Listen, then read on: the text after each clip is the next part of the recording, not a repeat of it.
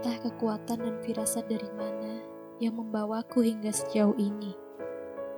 Siapa yang menyangka ketika aku perlahan telah menambal pecahan-pecahan hatiku, satu kenyataan itu muncul, menjatuhkannya kembali hingga pecah untuk yang kesekian kalinya.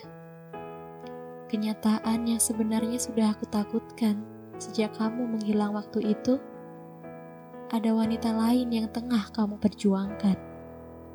Seharusnya kamu katakan saja dari awal Aku masih ingat dengan jelas saat kamu mengatakan bahwa pergimu sama sekali bukan karena wanita lain. Tapi nyatanya, bahkan kalian terlihat sudah dekat sebelum kamu tiba-tiba menghilang, bukan? Ya, setidaknya itulah yang aku tahu.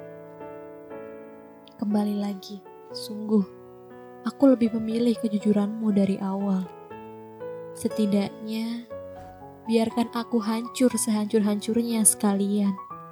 Daripada aku harus berkali-kali hancur seperti ini saat aku sedang berupaya memungut serpihan-serpihan luka. Kamu menjatuhkannya kembali. Saat aku sedang mengobati goresan-goresan itu, kamu menyayatnya lebih lebar. Apa tidak bisa sekali saja kamu melakukannya? Aku tidak peduli jika harus kamu patahkan, kemudian kamu pecahkan, lalu kamu injak-injak hingga tak berbentuk. Aku lebih memilih itu karena sakitnya hanya sekali, bukan seperti ini. Sakit berkali-kali yang semakin membuatku takut untuk memungut kembali serpihan-serpihan hatiku yang terjatuh. Seharusnya aku marah melihatmu tersenyum bahagia meminang wanita cantik itu.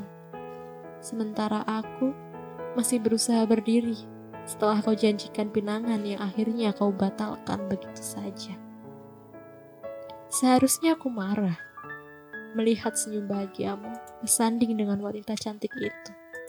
Sementara aku di sini berusaha bernafas setelah kau patahkan begitu saja mimpi yang telah aku rangkai.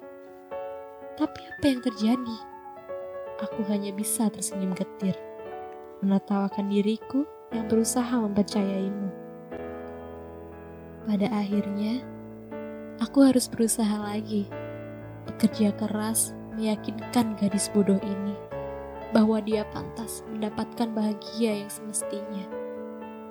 Walaupun gadis bodoh ini sudah tidak tahu lagi arti bahagia itu seperti apa.